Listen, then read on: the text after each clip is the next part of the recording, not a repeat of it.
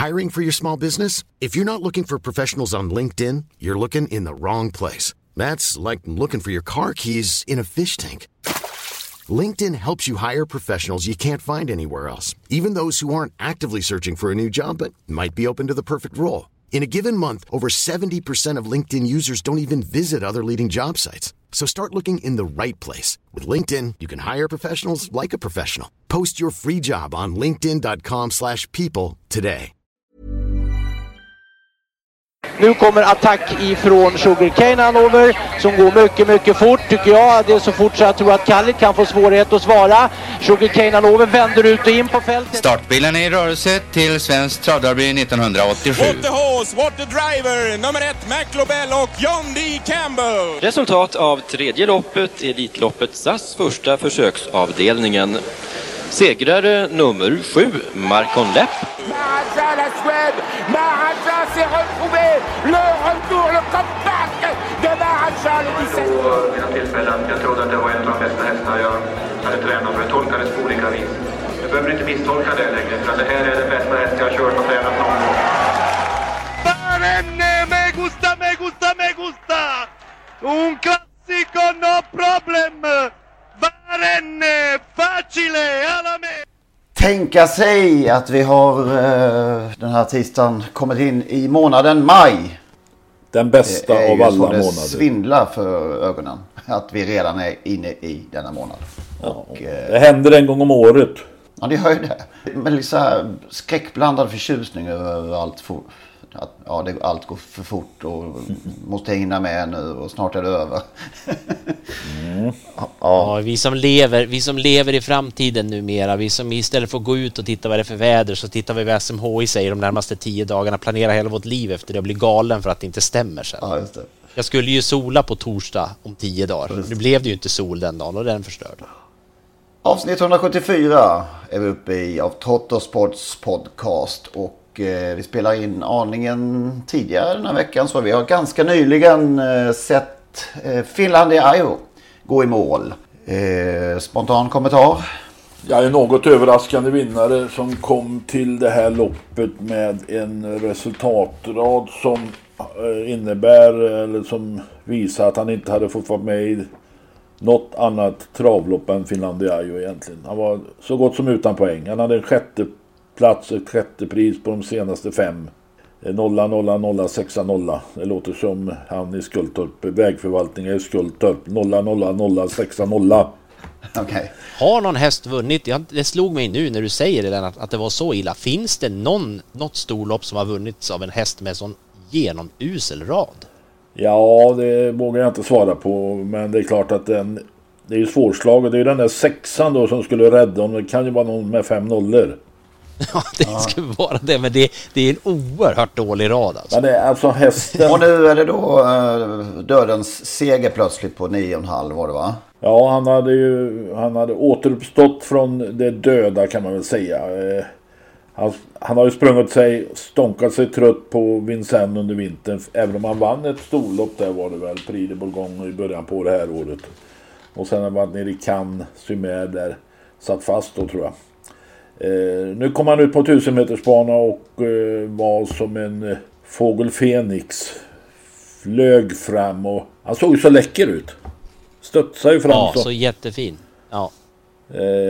Men ja, det, det var överraskande och helt plötsligt alltså fick vi se en ny cockstyle, eller en ny gammal cockstyle. Nio år!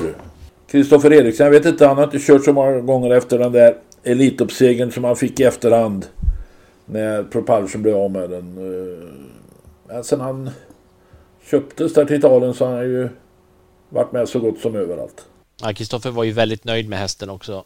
Han, eh, du sa studsade fram och han sa ju att det var som en studsboll när han kom ut med han på banan först och han tyckte att han han har väl inte kört honom på två år och han tyckte ju nu att han kändes nog bättre nu än vad han gjorde för två år sedan så att det var det var ju också i ett lopp som var kolossalt ojämnt för att vara ett sånt här storlopp så att en cockstyle i form skulle ju normalt sett varit väldigt eh, om alltså ompratad innan men det blev ju inte riktigt så nu. Det, det pratades om andra hästar som, som ju inte riktigt levde upp till det då. Det blev ju konstigt. Beppy B blev favorit eller nästfavorit på eh, en prestation som inte var någon prestation. Han satt fast på Färjestad. Det där med att sitta fast. Det är sällan eh, prestationer man behöver höja till skyarna. Och Brambling kom ju helt eh, snett på det från start och var ju uppgivet tidigt. Då fanns det ju egentligen ingen att slå. Ändå vann han på, ni, som du sa, 9,5. Det, det är ju respektingivande. Ja, just som han såg ut också är ju ändå när man, när man vet vad han har för kapacitet, Cockstyle, så, så var det ju fint att se så. Men, men som sagt, bakom där var det ju inte ingen skugga över Taikon eh, Conway Hall, men en 12-årig hingst som, som ändå hänger med till ett fjärde pris där. Det... Ja, det var ju en häst i det här loppet och den hästen är klar för Elitloppet och ja, kanske till och med kan vara med och slåss om segern. Bakom där så spurtar väl de två hyggligt och Stoler Show och Garrett Boko men det var ju inte så att det slog gnistor om den här spurten. Nej. Var det bättre då ja, i det loppet som Anders Prins vann i lördags på, i Örebro? Vad säger vi där? Att Brother Bill var bästa hästen i, i det loppet men eh, Önas Prins vinner mycket på sin startsnabbhet och, och att det var kort distans naturligtvis. Och mm. Jorma körde väl mer på att ta hästen till mål än att göra bort sig igen. Sen eh, tycker jag ju att eh, Önas Prins har blivit lite oförskämt eller oförskyllt eh, kritiserad för att han vann det här loppet. Och det finns ju till och med de som har dömt ut honom fullständigt. Det har delats i två läger tror jag. Ett läger för, som står på Önas Prins sida och ett läger mot som absolut tycker att Önas Prins inte har i Elitloppet att göra egentligen. Kan man, går det att vara mittemellan och ha lite färgskalor eller finns det bara svart och vitt i världen numera? Ja, man, här verkar det finnas det alltså. Jag sitter inte och säger att han kommer att vinna Elitloppet men han kan ju vara 20 meter bättre i Elitloppet gissar jag. Och eh, med ett bra spår så kan han säkert ta en finalplats och han är förmodligen bättre än några av dem som redan är inbjudna och uttagna. Ja men om man då ser lite dyktigt på det. Jag var ju också lite skeptisk till honom efter årsdebuten och tyckte inte att han... Framförallt inte att han såg speciellt bra ut. Nu såg han väl bättre ut men det var ju inte hundra och prestationen blev, det blev ju ganska billigt det här också. Ja, man såg ju bakom det. Chapuis hängde med en bit bakom där. Som ju inte ens är en Sweden Cup-häst väl? Nej, så vi ska väl inte höja till skyarna men det går ju heller inte att fullständigt avrätta hästen. Nej, verkligen som inte. Vissa, vissa tycks göra. Nej, men det är som vi är inne på att det, det finns bara två färger, färger nu för tiden. Det, det, och det är inga färger kanske ens. Nej, det är inga färger. Nej. Nyanser, lite, nyanser. Tankarna går ju lite tycker jag till eh, 2000 där när, med Stig H och Victor Tilly för det fanns falang. Jag sträcker gärna upp handen lite där i smyg, det syns inte men det fanns en falang som inte var så jätteövertygad om Victor Tillys eh, storhet heller där och, och den där passningen som Stig och ger i det som vi hör i, i, i vår vignett varje vecka där, den fick jag ta åt mig lite grann av. Så att eh, jag får lite samma vibbar här. Nu finns det ett gäng som, som gärna vill liksom dissa Örnas Prins där och nu som Lennart säger, jag tror nog inte heller att han vinner. Ja men du har ju just jämfört honom med Victor Tilly. Det är klart att han vinner. Ja precis, då, då, vi vet ju hur det gick då. Men, men det är... Eh, ja, det är ju intressant, men de här loppen som sagt, de har ju varit så väldigt ojämna. Vi pratade om Cockstyle nyss och även det här då. Brother Bill gjorde ju som du sa ett jättebra lopp, men i övrigt den här norska, eller då förlåt, USA-födda hästen Beads som ju har pratats upp så mycket av, av bröderna Hamre, den betedde sig som den har gjort i USA ju. Eh, den är ju väldigt, väldigt knepig. Och oftast liksom varvade ju topprestationer med att bara bete sig som han gjorde i lördags. Så att det Magnus, du... Och sen var det som sagt inte så mycket nej, annat. Du som är Brother Bills största supporter. Eh, ska vara med i Elitloppet? Ja, jag ty- nej, du behöver bara svara ja eller nej. Ja eller nej. Ja, nej men det tyck, jag tycker absolut att han ska vara med i Elitloppet utifrån vad han visade i lördags och som du sa, det här var ju egentligen då hästens första start i år. Eh, och han bör ju också rimligen då gå framåt ytterligare med ett lopp i kroppen och han har ju visat kapacitet. Jag tycker att han är given i Elitloppet. Ja, jag kan nog hålla med. Sen har vi ju några lopp kvar innan det ska spikas. Ja. Har vi några hästar kvar då? Vi har ju en, ett visst fredagslopp att se fram emot här i veckan i, i, i Rättvik. Ska du åka dit Magnus? Ja det är ju, det, är, alltså, det beror på vad det står i SMHIs app. Vad det ska bli för väder. Hej med dig alltså. Ja. Nej, det kan man ju inte missa naturligtvis Ja, det- om, det- det, om det inte spöregnar och är två grader varmt för då, då vill nog inte ens Hail Mary åka dit. Mö, mö, möter han någonting? Ja, nej men det som är anmält hittills i varje fall då, vi spelar ju in söndag och det ska bli bestämt på måndagen, total, äh, slut, eh, vad heter det? Startanmälan stängs ju där, men senast då. Eh, han möter eh, Seismic Wave och eh, By the Book. Som är väl de namnkunnigare. Sen finns Alexis Cubano och någon mer med. Men det, Alexis Cubano. de, får, de får väl hänga på till ganska fina pengar. Men det är inte Elitloppsmotstånd direkt. det är det ju inte. Nej, det är ungefär som eh, att Perfetto slog en sjuk back of the neck. Var det inte så? Ja, nej, men det ska ju vara kul. Ett, jag älskar verkligen inte små fält. Det är det tråkigaste som finns. Men just den här gången, så om det inte blir så många hästar och Örjan och Daniel har kommit överens om att det ska ges ett, en rejäl genomkörare för Hail Mary, då är det roligare om han får göra det utan att det är en massa hästar i vägen och stör, utan han får tokköra i... i... Ja, det är liksom... Det är, alltså om Hail Mary hade varit ensam till start så hade det varit det intressantaste loppet eh, på ett decennium lik, likväl. Ja. det här intrycket det är det enda som, som är intressant. Hur han ser ut Yes. och hur han rör sig och om det är någon skillnad. Och, ja, åh vad, vad jag längtar. Det är bara fredag. Perfetto pratade om. Han var faktiskt tvåa i ett lopp där senast. Men han kunde lika gärna varit sist faktiskt. Ja, det var väl någon längd från andra till sista platsen där. Ja, man skulle ju inte kunna... Om man nu fick se det där loppet och så någon har frågat ser vi någon Elitloppshäst här? Så hade man inte ens svarat. Ja, den som kom tvåa den ser kanske lite pigg ut. den tycker jag ser ut att ha, ha någonting. Ja. inte Ja, riktigt. den här som inte vann riktigt. var ju sån här Lasiks eh, häst ju. Eh, och, och den kan ju inte bjudas in, men som, som Lennart säger, det var ju... Ja, han- han stånkade in som tvåa, men han kunde lika gärna blivit sjua, sexa, något sånt. Och det var ju liksom återigen, vi pratar om elitinbjudnings, Elitloppsinbjudningsprestationer och det här är ju... Ja, Ja, man, det man, är synd att den är bjud- inbjuden man redan. brukar prata om eh, den sista veckan att det blir mest debatt om den 16 hästen eller 15 16 hästarna i det där loppet, Elitloppet alltså. Eh, Den 16 hästen är redan uttagen så den platsen är upptagen. Då slipper vi den debatten i år. vi, vi har haft den redan nu. Det är skönt. Nej, man skulle kunna gå i- igång rätt rejält och såga. Men, men eh, vi stannar där kanske. Det blir alltid så. Det är alltid någon som, som inte duger och som är kanske något exotiskt inslag från någon annan del av världen. Något mer från eh, senaste veckan som vi har höjt på ögonbrynen för? Från Värmo bara, där tycker jag den här Corazon Combo som ju slog Tetrik Vanja när, när han gjorde årsdebut där. Eh, men Corazon Combo som nu vann tionde segern i tionde starten för Pekka Korpi. Det är en treåring som kan flytta på sig. Där får de träna på ett tag med Tetrik Vanja om det ska vara Nordens, eller ja nu ägs den väl i, i Europa eller på sig, i Tyskland var det va? Eh, men Europas bästa treåring är det strid om nu, den här Corazon Combo, det är ju en jättehäftig häst.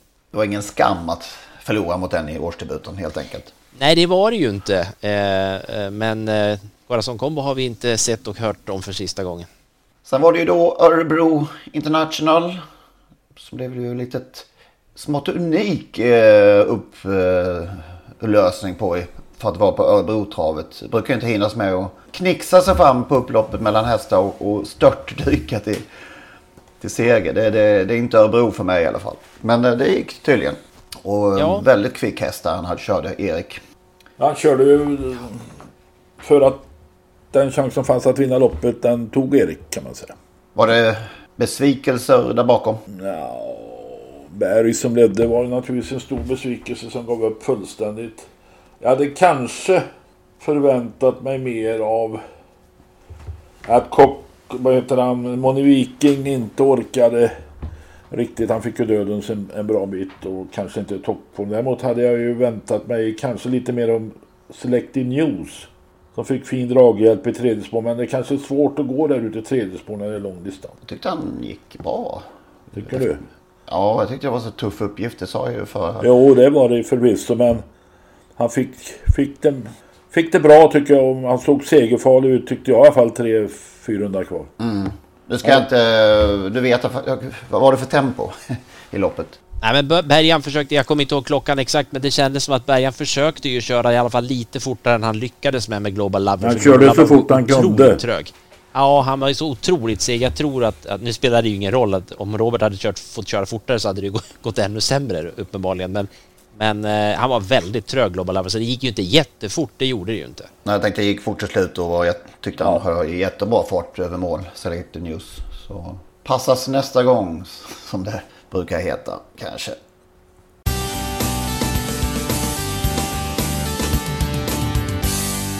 Det är svårt att komma över det här med Olle Goop, att han inte längre finns på den plats som vi befinner oss fortfarande. Och eh, vi pratade ju förra veckan Förresten, om... tror ni Jim Olle sitter i himlen nu och resonerar? Vad Frick, ja, vad tror du? Jim Frick Olle Goop. Hur, hur, tror du snacket kan ja, tänkas fan, gå? kommer det redan Olle? Ja, ja, men sen då när de har... ja, nu... det är mycket, mycket analyser där. Ja. Ja, jösses. Ja, det är så man vill tro att det är i alla fall. Ja. Pratade ju förra veckan om det lopp som du Lennart ansåg kanske var det allra, hans allra varmaste stund när eh, sonen Björn då vann eh, sitt första stora lopp, Storchampionatet 1997. Vi hade letat efter det klippet och eh, kom efter programmet. Ja. Fick vi lite hjälp där från Axevalla att få det oss till livs. Så vi kan väl lyssna lite hur det lät den juli-söndagen. Där släpps storchampionatsfältet iväg. Ett, Carolinas Mystic och Björn Goop är snabbast ut. Utmanas av eh, Indra Körna nummer två. Båda de här två vill ha ledning. Jag tror att Kalle Lindblom är den som vill mest och han får där övertaget. Det har varit galopp för nio Vacker Drive D som är borta. Indra Cherona har dragit till ledningen ut ur första kurvan. Eh, men titta på Gossip. Stig-Ho Johansson är redan trea ut ur första svängen. Ja, Stig Johansson är favorit, knapp sådan i det här loppet. Eh, och eh, får se nu om han eh, vågar sig på att gå fram och utmana ledande Indra Chirona om ledningen. Jag tror knappast det, för Kalle Lindblom kommer knappast att släppa. Det går ganska långsamt i år. Kan ju påminna om att löpningsrekordet är 15.1 satt av Lavli Godiva. Ina Skott vann sitt på 15.2. Och nu kommer de till första tusen på 1.18. Och ingen gör något nu. Eh... Nej, det beror ju på alltså att den som leder absolut inte släpper. Den som sitter utanpå ledaren är favoriten och som knappast släpper ner någon heller. Så att därför blir det på det här viset att de där framme kan eh, så att säga sänka tempot vilket alltså gynnar dem och missgynnar dem som sitter längre bak i fältet. Där till, exempel Olle Goop sitter allra sist med eh, 2500 alltså, som är eh, andra favorit i loppet. Undrar om Olle har koll på sina övriga hästar. Han sitter där. Framför sig har han fyra Beyond Heaven som var hästen som vann sitt uttagningslopp på bästa tiden Bosse Eklöf i sulken. Nu börjar de skruva upp tempot lite och nu är det bara varvet kvar. Två Indra Chirona ligger på lite hårt. Gossip på utsidan. Det är väl väldig skillnad i aktionen på de två hästarna. Nu höjs tempot. Två Indra Cherona svarar upp Gossip, Carolinas Mystic. Sen verkar de ha svårt att hänga på. Apple Blossom har svårt där. Goop fortfarande sist utvändigt med sin egen häst. Och Kalle Lindblom har höjt tempot rejält där fram. Ja, nu är det stenhård körning. Det biter inte speciellt bra för Per Susanna. Hon får nog in, inte del av de där eh, 700 extra, 750 000 extra, utan det står mellan de fyra främst. Ja, och in på upploppet är det två Indra Cherona. Här är Gossip, här är en sensation. 11 Sunshine Later som tyvärr galopperar för Håkan K Persson. Men då kommer Björn Goop farande mitt i banan med Carolinas Mystic. Stig har kopplat greppet med Gossip. Men här kommer då Björn Goop farande här ute. Han kommer att vinna sitt livs största seger. Det är Goop-seger. Björn har gjort det! När man tittar på det där loppet så, så var ju faktiskt så tror jag ingen trodde att Carolinas Mystic skulle vinna när de var mitt i slutkurvan. Var seg, hade svårt att följa men Björn lyckades väcka liv i henne på allvar på upploppet. Mm. Ja, det klassiska Goop-arbetet där som jag pratade om att Olle lurar mig. Det var Björn hade ju där också, precis som du säger.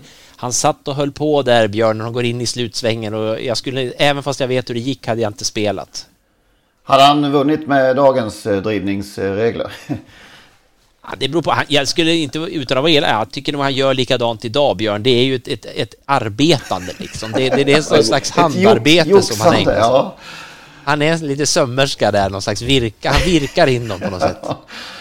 Ja, ja det är som sagt. Um det nämns ju här då i referatet hans fyra deltagare som Olle då som tränare hade i det här löp, löpningen som vi berörde också förra veckan. Ja, häftiga minnen. Sen är det ju så, jag tänkte på det, Håkan K Persson tillsammans med broder Stefan hade ju framgångar igen nu på V75. Det är Håkan K Persson hade ju en tuff dag där. Hans häst Sunshine Later tror jag den heter. Ja, den, har, den hade där. förmodligen vunnit. Och det, då vinner ju, ja, det, hade den vunnit hade ju inte Björn vunnit heller, men han hade ju definitivt inte kommit ut nej, riktigt nej. på samma sätt Björn om inte Håkans häst hade felat. Så det, det kan inte vara ett riktigt lika roligt lopp att höra för Håkan. Men du, eh, Stefan och Håkan hade gemensamma framgångar i V75 sa du i lördags? Ja. Var? När? Hipster Am.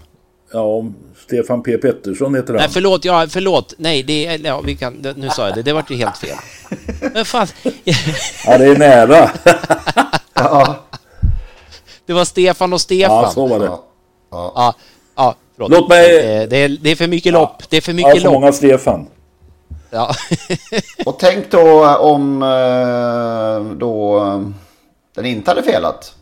Då hade Olle inte kunnat andas ut efteråt. Nej, det kanske att, hade, alltså det kunde förändrat så oerhört mycket för, för både Olles och Björns framtid. Om inte Björn hade vunnit det där så kanske han fått vänta flera år innan han vågat anlita Björn fullt ut.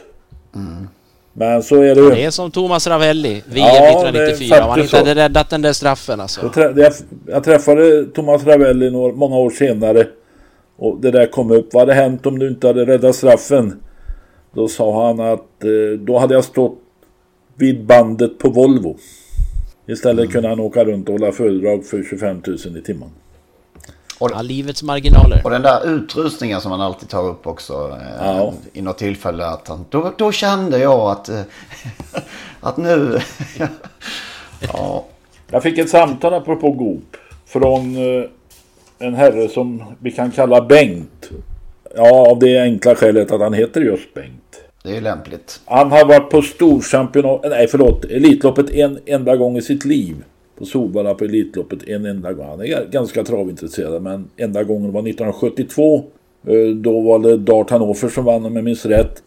Och då vann tydligen Goop antingen det första eller något av de inledande loppen med sin stora segermaskin Limbo till 6-7 gånger pengarna berättar Bengt han hade spelat. Han var så imponerad när Olle Goop defilerade, segerdefilerade så bockade åt publiken i takt med Limbos framhovar när han satte ner dem. Och så säger Bengt, jag kommer aldrig att glömma det leendet. Mm. Och så är det väl lite. Det är alla bilder vi har sett på Olle Goop efter hädangången så har det varit hans breda leende. Bengt sammanfattade hela. Helt enkelt. Ja, faktiskt. Och 1972 Elitloppet. Tänk vad länge han har varit med. alltså det, det, är ju enastående. Hittar vi några ungdomar då? Nya talanger. Som vi ju har som stående inslag här i podden. Ja. Såg noterade att en av dem som vi vurmade för um, Luxury River va? Mm.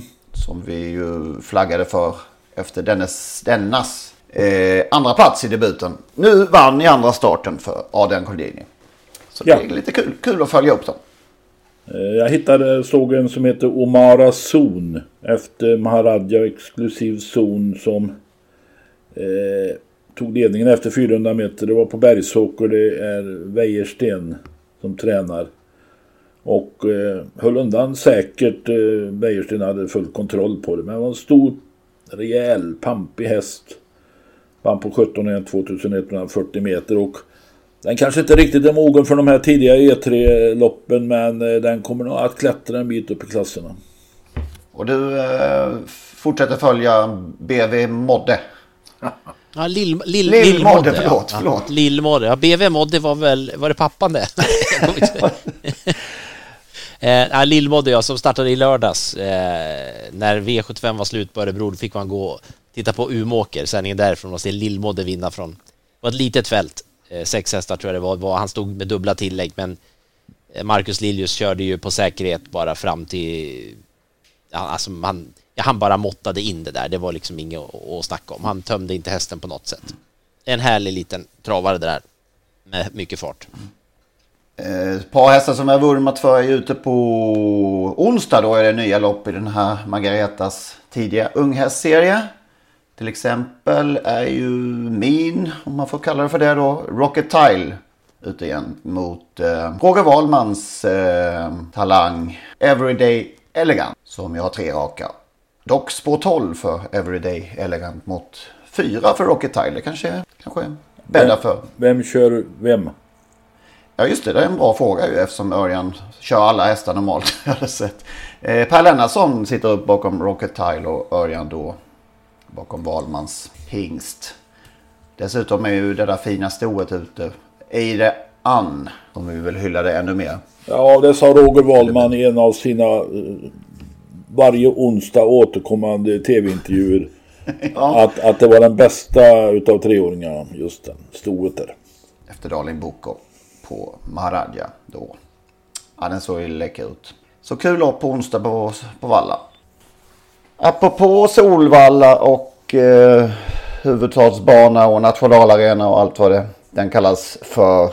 Så kom det ju lite olika förslag förra veckan från Svensk Travsport. Har ni synat dem i sömmarna? Bland annat då var ju att en del tävlingsdagar, ganska många, kommer försvinna om förslaget går igenom till 2023. Och hela 25 tävlingsdagar av dem ryks från just Solvalla. Är alla bakluckelopp i sin eh, Saga All då? Jag vet inte om de just, det är väl framförallt fredagarnas luncher va, som, som Som försvinner? Ja, som försvinner. Tror jag. Och eh, ja, jag läste ett citat då i- det här förslaget var ju att man vill, hur var det man uttryckte det? Man vill renodla eller eh, stärka Solvalla som nationalarena. Det, det, Man vill göra nationalarenan till nationalarena igen. Genom att ta bort 25 tävlingsdagar. Ja, men det var det blir en liten eh, en paradox. Men jag förstår ju tanken, ska jag säga. Ja, och vad... Men det låter ju som, som det här förslaget är väl förankrat både hos Solvallas ledning och hos de aktiva på Solvalla. Ja, i alla fall, ja det kanske är så. Men eh, i synnerhet så är det ju en vilja från Solvalla vad man har förstått. Eh, att, att få det på det här viset. Är det inte så, om man ska vara krass, att alla banor vill bli av med dåliga tävlingsdagar? Det kan finnas en poäng i det faktiskt. Vi vill egentligen bara ha stortrav. Men Det är väl så att lopp, loppen har blivit ett nödvändigt ont för svensk travsport. Det måste köras en massa lopp som ingen vill köra. Nej, och det bara kostar pengar att arrangera tävlingar. Jag, hör ju det där alltså. Vi vill inte ha någon publik, absolut ingen publik. För det är dyrt. Vi vill inte ha några totoluckor för att det är dyrt. Och kommer inget folk hit då behöver vi inte ha några totoluckor. Och inga serveringar och Nej, inga... ingenting va. Alltså inte ens de där som står i hamburgerbaren och kostar pengar och så vidare va. Man har ju hamnat i ett jäkla konstigt läge. Där man arrangerar publikarrangemang men vi vill inte ha någon publik. Ja, nej och det, det, det känns ju som att eh, nu ska absolut jag säga och det har vi väl varit överens om alla tre att, att, det, här, att det körs för mycket lopp eftersom det är för få hästar. Eh, så, sen är ju ST väldigt sena med att göra den här förändringen. Men samtidigt känns det ju också som någon form av symbolisk förändring att det här blir, eller då 20, 2023 blir det året där man alltså började minska antalet lopp och minska antalet tävlingsdagar. Och frågan är om vi kommer att se någon ökning igen. Någon Men jag läste en intervju i travronden med den nye ST-ordföranden, vad han nu heter. Eh, och han, han, var inte, han var inte tillfreds med detta beslut tror jag. Han, han tyckte nog att man inte ska dra ner antalet tävlingsdagar och antalet löpningstillfällen. Då har han ju chansen att... eh, För det är ju inget, det är inget beslut ännu. det- Utan det är, det är förslag. Som väl ska klubbas igenom. Ja. Ja, nej, men man tänk, det är ändå det är ändå den här trenden som vi, vi ser eh, och sen också den här rapporten eller siffrorna som kom under för, efter, för det första kvartalet vad gällde ATGs omsättning där, där gapet mellan spelet på hästar och sportspel och kasino som ju numera också tillhör ATG sedan några år tillbaka. Det gapet minskar ju hela tiden. Det är ju fortfarande stort, men det minskar ju. ATG omsätter mer och mer på det som inte är hästar. Samtidigt så börjar vi minska antalet travlopp. Som Lennart säger, ingen vill köra trav. Eh, vi, ingen publik på banorna. Lo, alltså lojaliteten mot travsport rent alltså hur ska det väckas intresse för travsport? Vad, usch, jag låter ju så jäkla deppig nu känner jag, men det är ju, det är ingen fantastisk, och det, det här måste, hon, eh, ekonomichefen på, på ATG där som, som eh, blir intervjuad i travronden, hon värjer sig ju kraftigt för de här frågorna eh, om, om att eh, är det ingenting att oroa sig för det här och så vidare. Nej, det, det är, inget, det är ingen fara. Det är ja, ingen men hon fara. är väl ATGs eh, motsvarighet till Bagdad Bob. Ja, hon har en oerhört svår uppgift. Lotta Nilsson Vitala heter hon. Det, men, men alltså det, det, här är ju, det här vet jag att vi är många som har pratat om, twittrat om redan då, då när ATG och den här eh, spelregleringen och alla la, nya lagar och så vidare, vad heter de här licenserna som kom. Att vad händer när ATG nu då ska börja arrangera annat än eh, spel på hästar? Man pratar om att vi ska vara hästarnas spelbolag. Jo, men det ska dras in pengar också. Så att eh, det, det är, ja, tyvärr jättedeppig framtidsvision känner jag att jag har. Samtidigt som jag tycker att det är rätt att minska antalet tävlingsdagar, men det känns ändå, det känns deppigt. Ja, men alltså problemet är ju att minska antalet tävlingsdagar är väl helt okej. Men om man nu minskar antalet tävlingsdagar, tar man hand om dem, det nya antalet tävlingsdagar då? Och gör dem, försöker att göra dem publikvänliga. Det kommer man ju inte göra, utan man kommer ju fortsätta i samma hjulspår att snälla, snälla, snälla, kom inte hit. Nej, och sen är det ju i det här förslaget också som finns med då, den här satsningen man gör nu då, att eh, man pratar ju om att, att eh, barnpubliken behöver lockas tillbaka med något extra efter pandemiåren och sommaren är travsportens S i den kampen. Och då tänkte jag, ah, nu blir det fri entré igen och sen lite arrangemang kring det. Nej, vad man ska göra då, det är att man ska arrangera då, man säger inte V75 heller, utan man säger STL-dagar, två två gånger per helg va? Visst var det så? Det sägs att eh, ST-topparna blir, blir, går bärsärkagång i princip om man nämner V75 istället för STL. Ja, och det har, man upp, det har jag förstått. För ja. Varje gång jag ser på de här tv-sändningarna så blir jag, tänker jag, men vad i helvete är det frågan om? STL, nu är det STL avdelning 4 och sådär va. Alltså V75, detta fantastiska varumärke ska helt plötsligt bli STL. Jag, nej, ärligt talat förstår jag inget. Vad är det de vill med det här STL? Vill man konkurrera med ishockey eller fotboll? Vad är det man vill? Det är så förvirrat det här. Det är just att, att det, från början är det väl kopplat till den här lagen det här också då, men, men jag tycker man krånglar till det och just det här att det ska vara alltså då eh, STL, vad är det man säger, STL-upplevelsen ska man ja. liksom utöka här nu va? Och det är ju... Och det är inte nu i sommar utan det är nästa sommar. Ja, så är det ja. Och detta S i rockärmen efter pandemiåren och så vidare. Alltså detta snack som var och som vi naturligtvis inte höll med om. Eh, vi som har koll i podden här, men att det skulle bli en sånt uppsving för travsporten nu. Covid-19 skulle ju vara det bästa som har hänt svensk travsport, för alla skulle ju bli så intresserade av travsport och alla skulle ju börja komma. Det skulle komma så mycket publik till tävlingarna när man öppnade igen. Sanningen är ju den att nästan alla arrangemang, eller väldigt många i varje fall, arrangemang, där kommer ju folk. Men till travsportens arrangemang har folk inte kommit efter pandemin. Det är folk, folk prioriterar sin tid och tyvärr innebär det att efter covid-19 prioriterar folk sin tid ännu hårdare och då har ju travsporten drabbats mycket hårdare än många andra. Är det någon som tror att de själva tror på vad de säger? Ja, för det, nej, det, det tro, ja, man undrar ju, man undrar ju, vilka försöker de övertyga? Är det de som betalar lönen åt dem som de försöker övertyga eller tror de att de kan lura hela trav-Sverige med? Jag vet inte riktigt för vems öron man säger de här sakerna. Det, det, har jag svårt. Och jag känner ju återigen att man sitter här och låter så oerhört negativ. Men det är ju i grund och botten finns det ju en kärlek till den här sporten. Men, men det är ju tyvärr, det ser ju tyvärr mörkt ut att ha gjort det ja, länge. Så det är väldigt svårt att... Nu tror vi på STL-dagarna varje helg. Ja, det är liksom ett S i rockärmen. Apropå det här med, med, med totoluckor så läste jag att Åmål, lilla Åmål, Mörtebol i Åmål, skulle ha en totolucka öppen på sina tävlingsdagar. Det är frågan om inte de kommer dra in tototillståndet för dem. ja.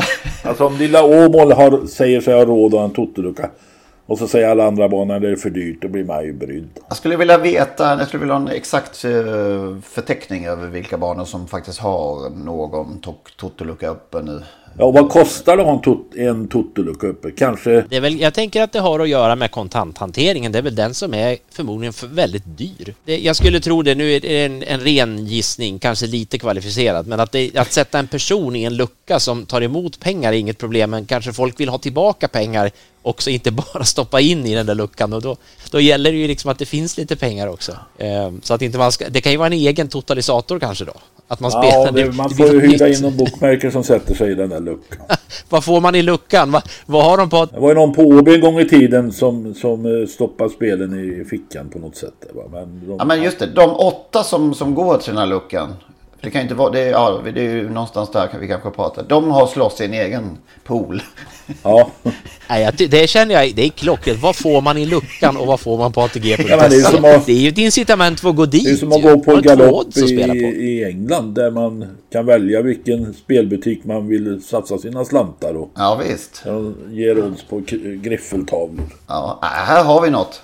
Ja, för åtta personer. Ja, alltså underskatta inte det. Det kan vara till och med 10 och 12. Ja. ja, det här är ett S i ärmen ju. Det känner jag ju. där, där har vi S, ja.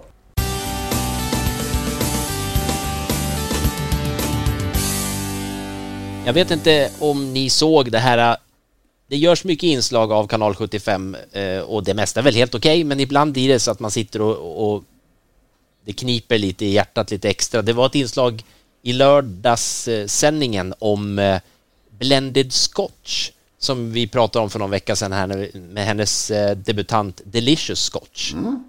Men Blended Scotch står ju på, på Menhammar och eh, det visar sig då att i, i samband med att Blended Scotch skulle föla så var det även ett kallblodssto som skulle föla där på Menhammar. Men eh, det stoet fick kolik och man fick eh, akut ta in stoet och försöka rädda stoets liv. Det gick inte utan hon, eh, man fick avliva henne på operationsbordet men man med hjälp av kejsarsnitt plockade man ut fölet som efter lite intensivvård faktiskt överlevde och då behövde man ju en extra mamma. Och då var det ju som, som man sa på Menhammar där att vi har ju den stora favören att vi har så många ston som har på gång att föla så då ville man ju synka det med att, en fölning så att man bara kunde tillföra det här kallblodsfölet till en, en nybliven mamma. Och då föll det sig så att det var just Blended Scotch som eh, blev den här extra mamman eh, och då helt plötsligt fick två föl.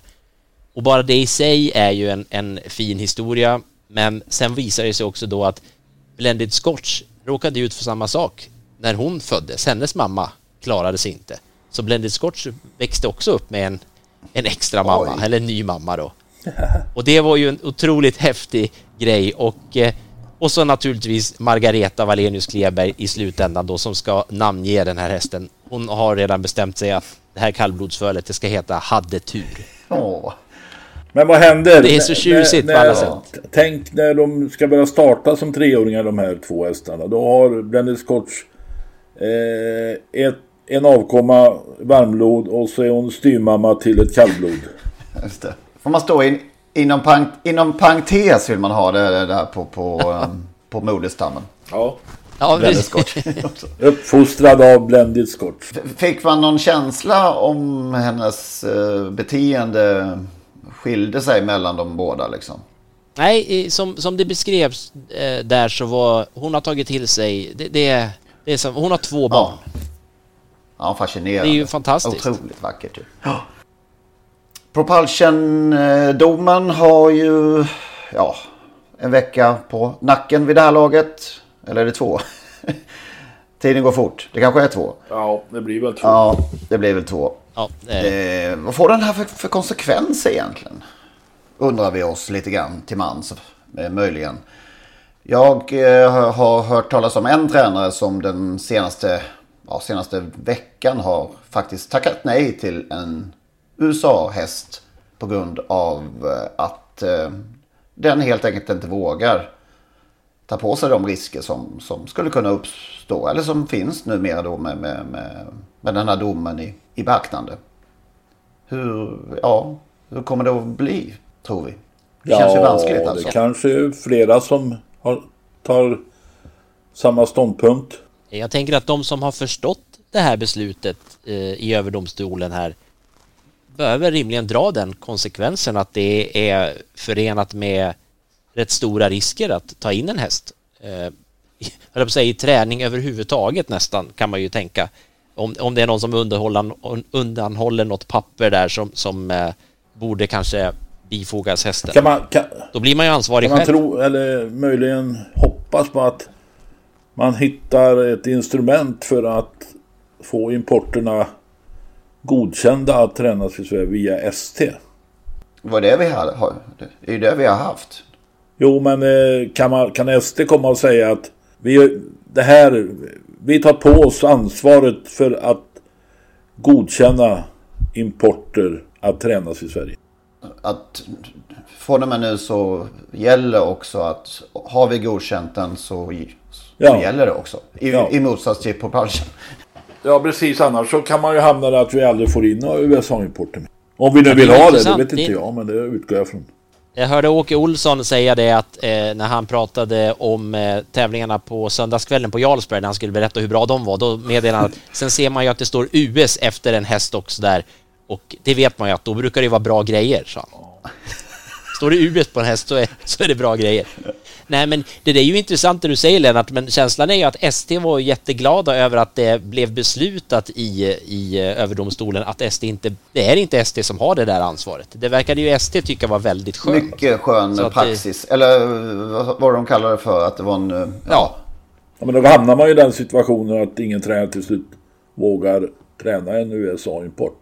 Och det handlar ju inte bara om eh, nervsnittning utan det är vad som eventuellt har stoppats i hästarnas kroppar på andra sätt ju. Så nej, det... Ja, det, men det är intressant. Jag, jag tänker alltså att om, om SD åtminstone kunde då ha någon form av eh, en, en tjänst man i alla fall kunde efterfråga. Hjälp mig. Mm. Eh, titta i de register ni kommer åt. Alltså det är ju märkligt ändå Så att vi i alla fall kommer överens innan, innan den här gör sin första start så måste vi vara överens om att vi bo, eh, liksom, båda två att den här är godkänd. Jag, jag, jag förstår liksom inte riktigt hur, hur det kan vara så att man eh, på något sätt är man överens med, med ett, eh, ett förbund så borde ju det det borde ju räcka på något sätt. Det verkar ju väldigt märkligt att ja, men vi kommer inte överens om någonting. Det är ditt ansvar allting här. Då ska de ju inte godkänna någonting någon gång då. Den är lite knepig, eller den är rätt väldigt knepig. Ja, men den här trä- aktuella tränaren hade ju uppenbart, eh, har ju uppenbart insett och förstått eh, riskerna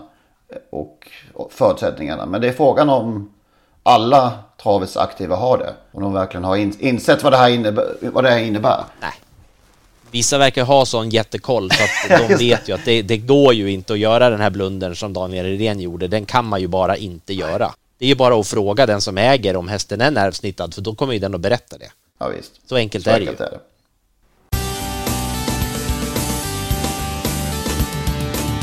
Då är du inne på det att eh, ljud på lördag Det är en häftig dag på Åby.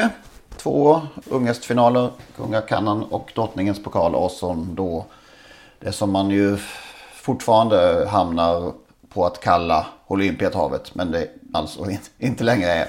Utan Paralympiathavet. Kan vi inte ta och lyssna i alla fall på hur det lät den allra, allra första gången det här loppet kördes.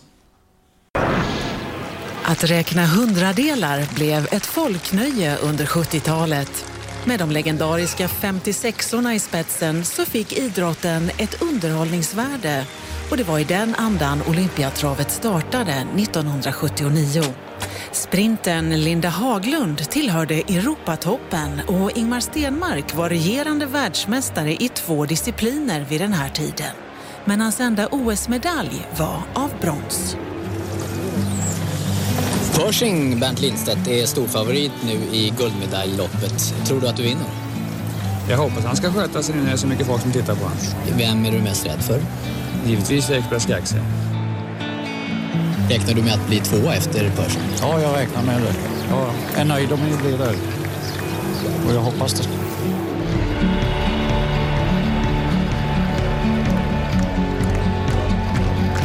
Flöt programenligt. Express Gaxe tog sin andra plats för Pershing och Bernt Lindstedt var helt enkelt oslagbara.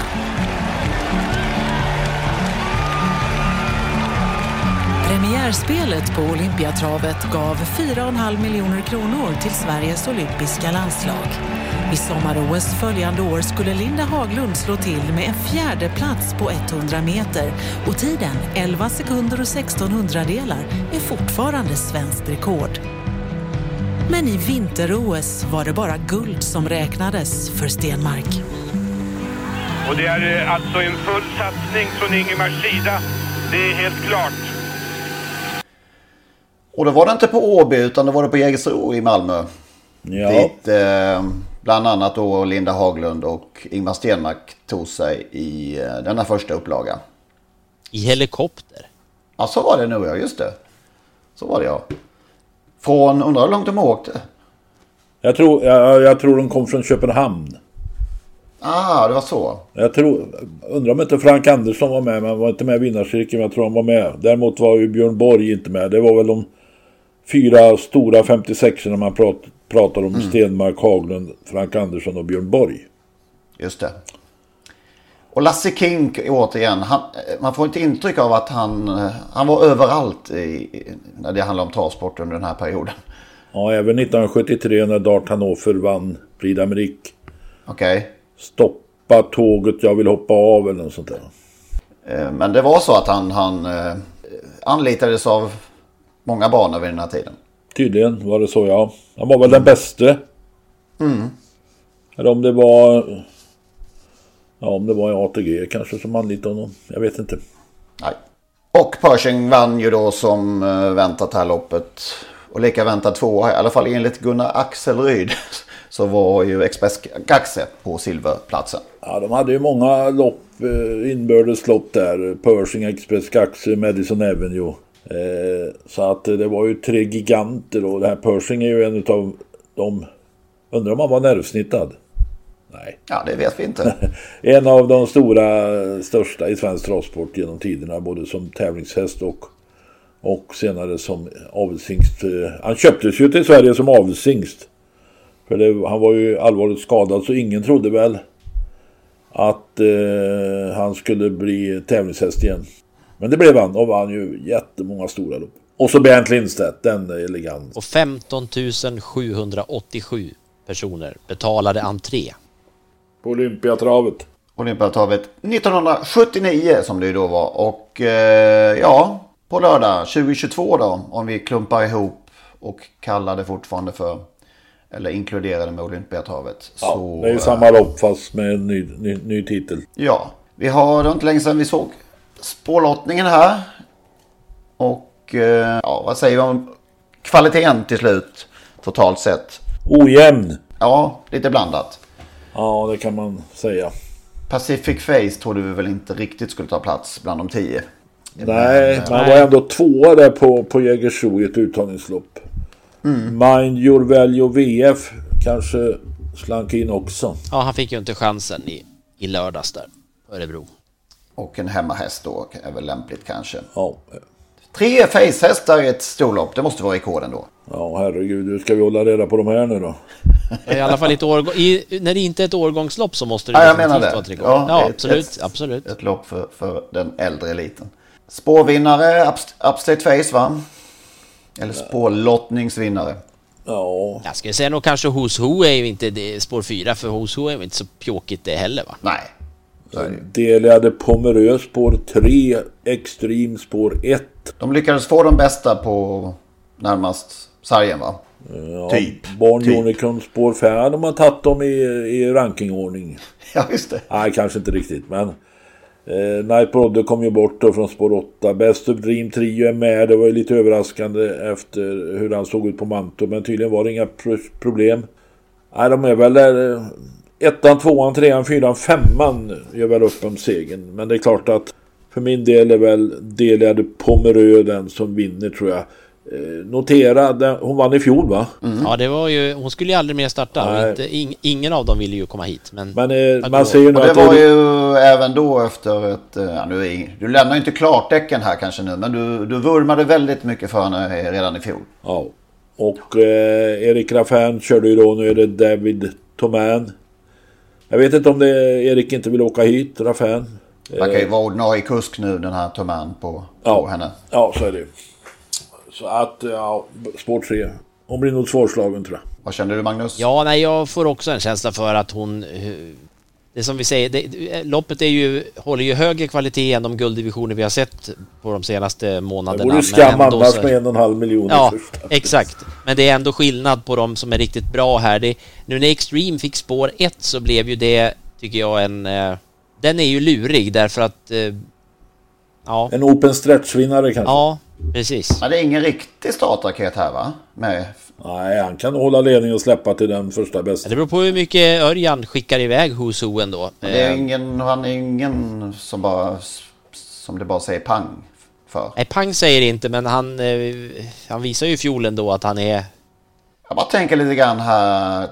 Vad händer om, om Lugauer laddar allt? Ja, men- ja, det som händer är att han blir trött till slut. Antagligen, men, men han kan komma först till Ja, sarg. det skulle han kunna göra. Faktiskt. Eh, hos Och frågan är, ska han göra något annat än att ladda och det är ju... Nu kom han ju till det här loppet och visst, han hade otur, men han fick i alla fall framspår, så att... Eh, Hoso galopperade när Örjan begärde lite extra. Så jag har gjort så ett par gånger när han öppnar lite för hårt. Mm. Ja, kul. Ja, det är ett kul lopp faktiskt. Vi får stå ut med att det är några som inte kan vinna. Ja, Helt enkelt. Så är är, det. det ju ofta. Ja. Omgången i övrigt. Ja, det är ju era finallopp där. Era Ja, alltså finallopp. det är ju...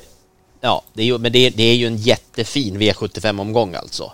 Eh, om, vi, om vi väntar med godbitarna på kalloppen där, alltså silverdivisionen är ju en riktigt smaskens, tycker jag. Oscar LA kommer ut igen efter galoppen i, i, på Örebro här nu. Unico Broline. Eh, Elegant Ima fick ju bakspår norska där och sen kommer ju Iceland Falls ut som ju eh, spurtade eh, och slog eh, Normos häst i, i storloppet, stoeliten i lördags här också. Det är ju ett riktigt mysigt lopp. Ja, det har du faktiskt väldigt mycket rätt i. Det är otroligt bra ju. Vi får ställa oss lite i skamvrån alla tre tror jag kring Oscar LA. Där var vi inte pålästa kring att femte spåret skulle bli så besvärligt. När vi... Ja, men det blev ju omstart och tyvärr så orsakade han ju den själv då, Joakim Lögen. Då gick han ju iväg hur fint som helst. Ja, nej det är Men sant. sen när det andra starten när giltiga så, så gick det inte alls. Och det hade Nej, väl han han var- förvarnat för. Ja, precis. Det var mer. Men sen, har- sen har vi ju ett storlopp där också, alltså inte vilket som helst, Lovely Godievas minne. Mm. I stoeliten igen då, men alltså med, med Honey Meras från bricka 12, Carly Smart. Vi vill ha omlottning. Ja, det, det, det där om, om något är ju, är ju roligt eh, på det sättet spelmässigt. Det är just 11 på Carly Smart, 12 på Honey Meras. Mm. Det öppnar ju loppet tveklöst. Du pratade om massa hästar i silverdivisionen. Magnus. Mm, ja det gjorde jag. Sa du något om Unico Broline? Ja, det tror jag jag gjorde. I, i, jag nämnde honom snabbt. Du nämnde honom liksom sådär i förbifarten. Ja, mer som att en av de här som är så roliga att se i det loppet. Och Rackham glömde jag däremot att säga. Ja. Han var ju inte som bäst i, i sin andra start i år, men, men vi vet ju vad han kan. Finns ju med där också. Pokalloppen har vi ju lite grann berört vilka vi... Ja, du har ju redan utsett vinnaren, eh, Magnus. Och jag Ja, håller... Jag ja. säger inte emot. Ja. Han blir såklart jättesvårslagen. Men de som inte Frances. lyssnar, ni kan, ju- ni kan ju tala om vem ni pratar om istället. Det är häst nummer två där i eh, det sjunde loppet. Det är det Francesco. sjunde, STL-loppet alltså. STL-lopp nummer tre. Francesco Francesco Zet, Zet. ja. Ja. ja. Men det blir, det blir alltså, det blir ett, tror jag, ett taktiskt knepigt lopp med Is No Good Am i täten och drar i stenhårt tempo. Kanske. Ja, om det nu blir, ja precis, om det nu blir ett stenhårt tempo han drar i då eller Ja, om det... han är ju svår att reglera verkar det som. Ja, så är det ju säkert. Sen, sen eh, är ju, behöver han ju ändå ha ett stenhår, hårdare stentempo, vad heter det? Stenhårdare tempo för att, för att inte bjuda in Francesco Zet, för Örjan kommer i alla fall inte att köra för något andra pris som de gjorde i, i uttagningsloppet där. Men det är ju, det är ju kul ändå för alltså Isno Godam är ju en sån otroligt vacker häst och också kapabel så att det är ju eh, ja, det blir, det blir smaskigt. Och som du säger, taktiskt är det ju ändå intressant. Det blir ju inte så, Francesco Zet får i alla fall inte något gratis. Det får han ju inte. Och drottningens då? Där har du din Debora. Ja, det är både SÖ med Fredrik Persson. Ja, den eh, tror man ju lite grann på. Ganska mycket. Men ni har väl vinnaren där så jag får väl vika ner mig till platsspeleriet. Nej, jag vet att... Nej, det har jag inte faktiskt. Jag, jag, jag blev imponerad av eh, Robin Backers, eller det var Robin Backer som kör, men Hagård heter han tränaren, eh, den här Kebamil. Ja men se, förra veckan pratade du om någon uh, Redén-häst. Ja det var, det var väl Glamorous Rain ja. va? Mm. Fortsätt med det du. Ja, nej, men jag, som jag säger, den här Kebamil är, är... Jag började att nämna Glamorous Rain förra veckan, men, men eh, som sagt, Kebamil måste nämnas i samma andetag. Heter hon Kebamil eller Chebamil? Nej, hon är Kebamil, Kebba. heter hon. Säger, säger de, ja. som, som kan sånt här. Ja, men det låter CH, då är det, då är det K. Ja, precis. Det är ju, säger de, det är ju Henrik, herregud. Det står ju ett IT bakom och då är det bra grejer. Ja, det... US och IT, det är lika med, med sånt. Nej, men det är ju fantastiska lopp ändå. Nu ska man vara försiktig med det här. Vad säger appen? Med ord. Vad sa du? Vad säger, säger appen? appen? Ja, appen ja. Ja, just det. Nej, det, den tittar vi inte i, utan vi ber till vädergudarna. Ja. Nej, men det här är ju, det här är ju kul, såklart. Ja, det ser vi verkligen fram emot. Vet ni något annat som är väldigt kul? Jag har räknat lite grann här nu eh, för några veckor sedan så började jag räkna och jag har kommit fram till att det här är det hundrade poddavsnittet vi spelar in tillsammans alla tre. Är det sant? Hundra ja. avsnitt ihop har vi gjort. Vi, vi, du tog ju en, en paus på en vecka Henrik, så det egentligen var det hundrade jag var med i förra gången, men det här är det jag räknar som det hundrade när vi är med alla tre. Så att det, eh, det är ganska det är ganska många avsnitt vi, vi idogt har presterat Då tyckte sen jag ändå fick jag äran att hänga på. och eh, Lennart att vi hade gjort en him rasande många innan dess. Så att, eh... Ja men det hade ni också. Nej det hade vi inte. 72 eller 73 ja, stycken tror jag ni kom upp i. mot 100. Nej. Ja, och vi tackar som vanligt eh, de som gör det möjligt. Det är ju eh, prenumeranter och eh, Swish-bidrag som vi är väldigt tacksamma för. Så vill ni det fortsättningsvis också så kolla in på totosport.nu och fliken stötta Totosport. Vi noterade också från, från Värmo till slut här att eh, Kari Läderkorpi blev nostalgisk över en gammal seger i Sverige. Ja, alltså det, det är ju denne Matteus Liljeborg som ju faktiskt är överallt. Det var han som var på Menhammar och gjorde det här reportaget och nu satt han i Finland på Värmo och eh, vid ett bord och pratade med Kari Läderkorpi och eh, fick eh, Kari att eh, både skratta och gråta. Eh, det kanske inte är så ovanligt, men i tv i alla fall att, att, att, gråta. Men han blev väldigt rörd när han berättade om det största han var med om under sin karriär och det var när han på hemmaplan tillsammans med Lennart Forsgren vann eh, Sprintermästaren med Top Royal. Då var jag där. Det var en... Eh, för en gångs skull på den tiden var det en väldigt, väldigt fin sommarkväll. För det regnade ju mest varje, varje år. Men eh, den var väldigt, väldigt fin. Kari är mycket tacksam att in, intervjua faktiskt. Jag har gjort det några gånger. Vi hade något webbprogram där. Jag åkte varje du, tisdag. Fick du, fram några, fick du fram några tårar? Ja, men han satt i traktorn där när man kom. Vi kom en fotograf och jag och så klev han av traktorn så röt han till. Vad fan gör ni här? Ja, men vi skulle vara här tio. Det är lika bra ni åker igen för jag har ändå inte tid med er. På jättedåligt humör och så en halvtimme senare så ja, lufs han av den här traktorn och så vände han bara på blad va, och var hur jävla förlåt, hur trevlig som helst och rolig. Det... Han hade ju träffat Lennart Forsgren där och, och de eh, hade ju haft ett, ett bra möte men, men eh, om, om, de var, om det var roligt att se varandra och så Det tyckte i alla fall Kari. Jag tyckte det var roligt att se Lennart och han hoppades väl att Lennart tyckte detsamma. Men han... Eh, ja. Han var inte helt hur säker, var, eller?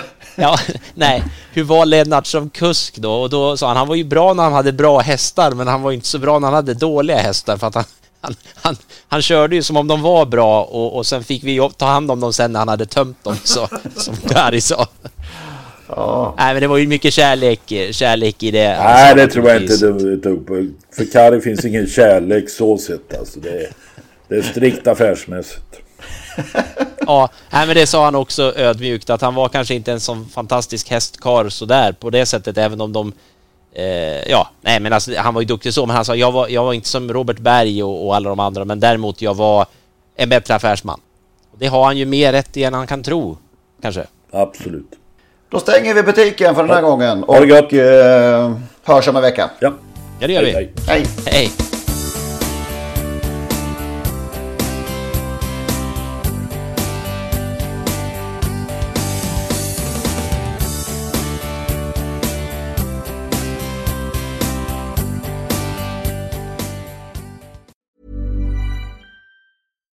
When you make decisions for your company, you look for the no brainers. And if you have a lot of mailing to do, stamps.com is the ultimate no brainer. It streamlines your processes to make your business more efficient, which makes you less busy. Mail checks, invoices, legal documents, and everything you need to keep your business running with stamps.com. Seamlessly connect with every major marketplace and shopping cart. Schedule package pickups and see your cheapest and fastest shipping options from different carriers with rates up to 89% off USPS and UPS rates. And with the stamps.com mobile app, you can take care of mailing and shipping wherever you are. Make the same no-brainer decision as over 1 million other businesses with stamps.com. Sign up with code program for a 4-week trial plus free postage and a free digital scale. No long-term commitments or contracts. That's stamps.com. Code program.